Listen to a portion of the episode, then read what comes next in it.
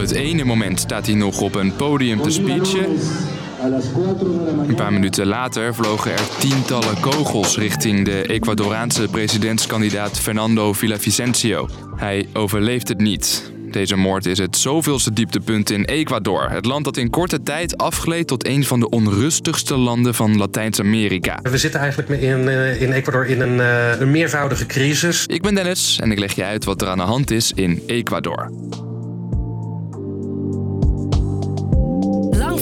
Een podcast van NOS op 3 en 3FM. Wie Fernando Villavicencio heeft vermoord, dat is nog niet duidelijk.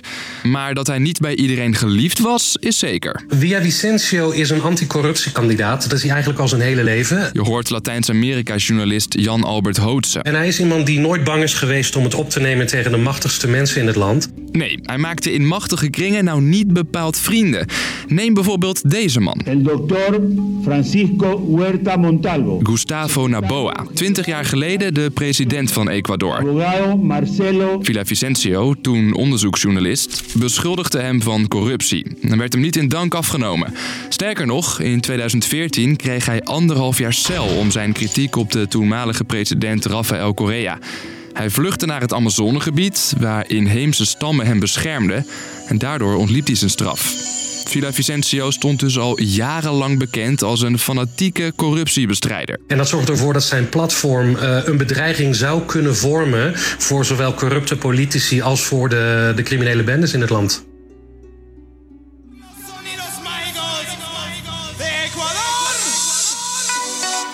Hoe vrolijk dit nummer ook klinkt, in het Ecuador van nu zijn veel problemen. Want Ecuador eh, verkeert op dit moment in een enorme economische crisis. Je hoort journalist Jan Albert weer. Tijdens de coronapandemie kreeg het land het zwaar te verduren. Steeds meer mensen leven in armoede. En dan zijn de laatste tijd ook de voedselprijzen daar enorm gestegen.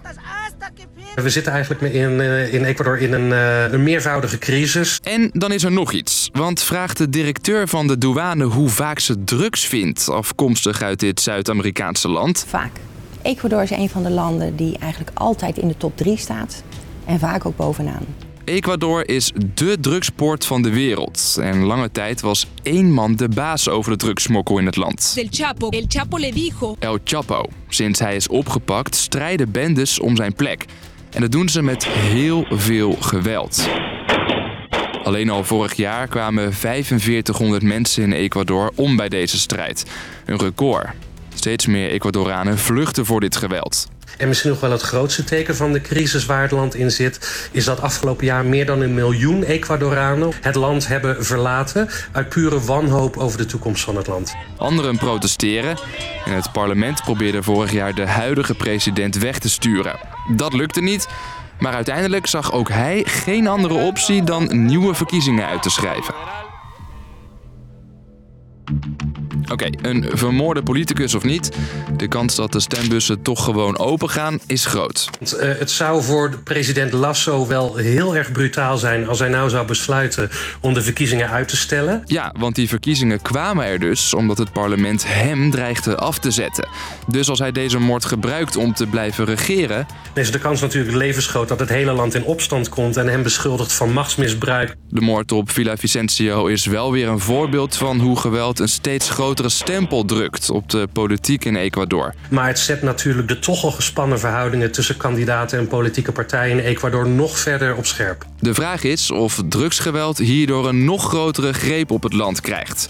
Iets dat in meer Latijns-Amerikaanse landen een groot probleem is. Het gebeurt in Colombia, het gebeurt in Argentinië, het gebeurt in Uruguay, het gebeurt eigenlijk overal. Dus dat is een situatie die eh, heel erg uit de hand dreigt te lopen in de hele regio. En Ecuador maakt daar helaas ook een onderdeel van uit. Dus, lang verhaal kort. In Ecuador is kort voor de verkiezingen een presidentskandidaat doodgeschoten. Het is een nieuw dieptepunt in een land waar het de laatste jaren toch al heel onrustig is... vanwege een economische crisis en de strijd tussen drugskartels. Nou, dat was de podcast weer voor vandaag. Bedankt voor het luisteren. Morgen droppen we rond 5 uur weer een nieuwe aflevering in je app. Doei!